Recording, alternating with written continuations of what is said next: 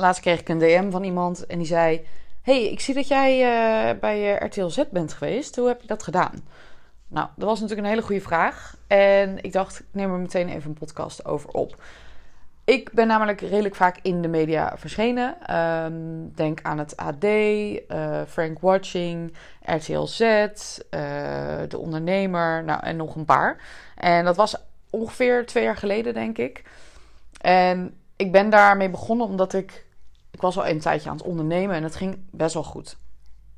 Ik had denk ik al 5000 mensen geholpen met een cursus die ik gaf. En ik gaf toen nog Instagram trainingen. En ik was heel erg bezig met social media. En dat liep allemaal heel erg goed. Ik was aan het adverteren. Ik was goed zichtbaar op Instagram. Ik had 10.000 volgers. Dus het ging allemaal heel erg goed.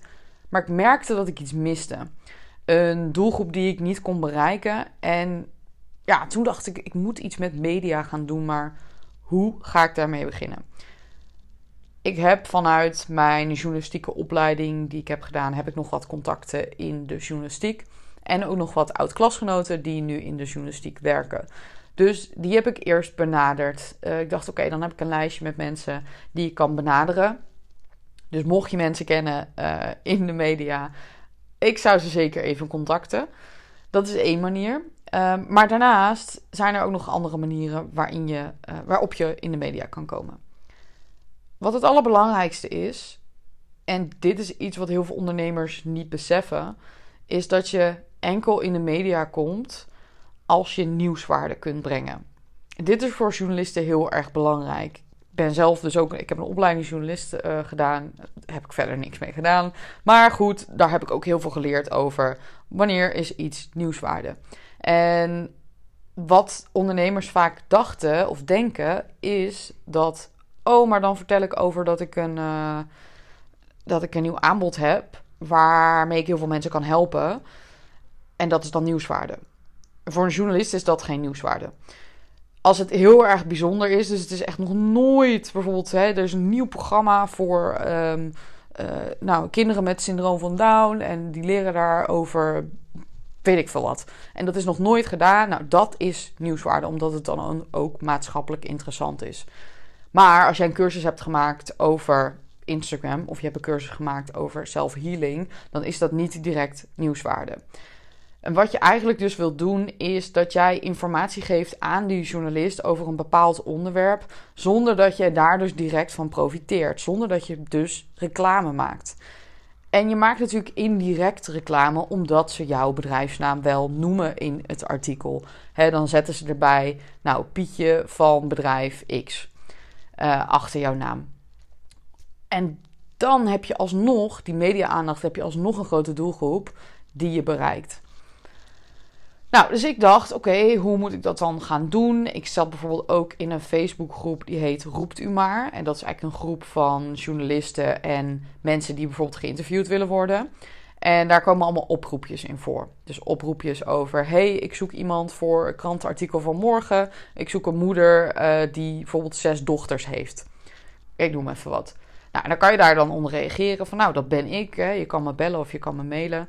Liefst bellen trouwens. Tipje tussendoor bellen is altijd belangrijk bij journalisten. Uh, als jij geen telefoonnummer achterlaat, dan gaan ze jou echt niet mailen. Nou, daar kan je dus op reageren en op die manier kan je dus in de media komen. Maar de kans is niet heel groot dat ze natuurlijk precies uh, een onderwerp zoeken waar jij een expertise over hebt. Dus wat je wel kunt doen, is de expertise die jij hebt, die kan je bijvoorbeeld in een artikel stoppen. Ik ben destijds met Snapper gaan werken. Dat is een PR-bureau. En wat zij eigenlijk deden is hetzelfde als wat ik in het begin in mijn eentje had geprobeerd. Uh, hè, een lijst van journalisten. En die benaderen met: Ik heb een goed artikel over dit onderwerp. Uh, want er is nu iets aan de hand over dit onderwerp. Want dan is het ook nieuwswaarde. Als er dus iets is gebeurd over toen destijds TikTok. Was helemaal nieuw. Er was iets nieuws aan de hand. Politie ging op TikTok. Toen vroegen ze aan mij: wil je daar wat over vertellen of wil je je mening geven over is het goed om als autoriteit op TikTok te komen?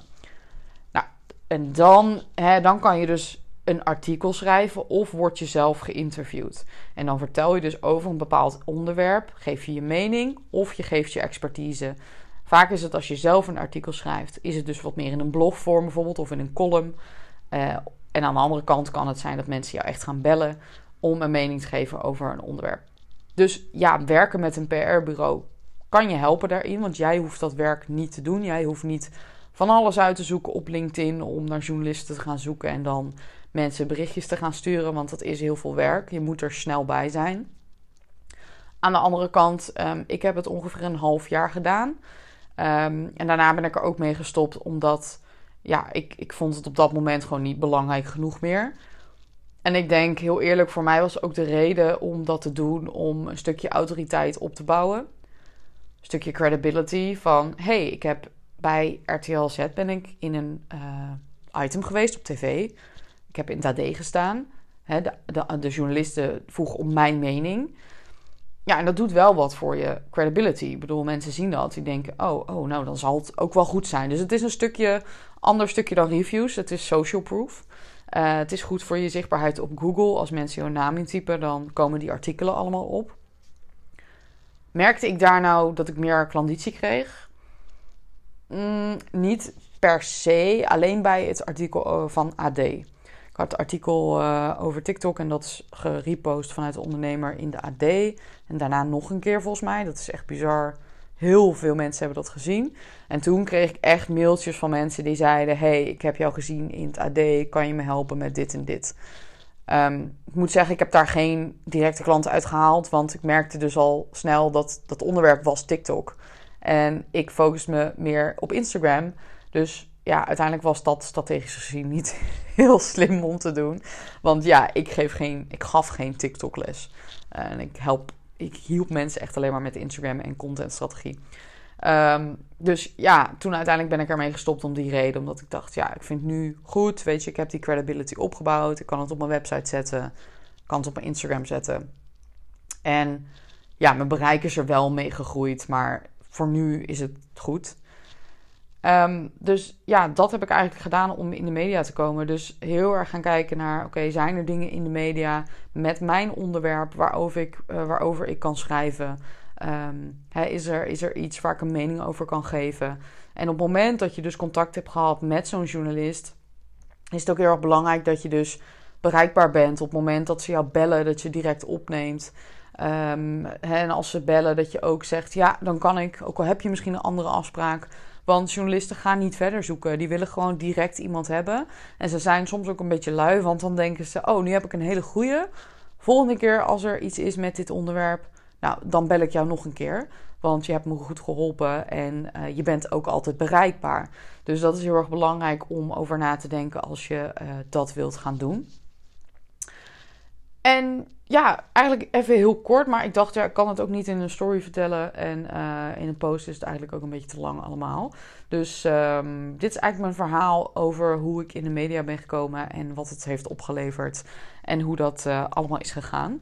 Mocht je hier nou vragen over hebben, dan uh, mag je me zeker een berichtje sturen.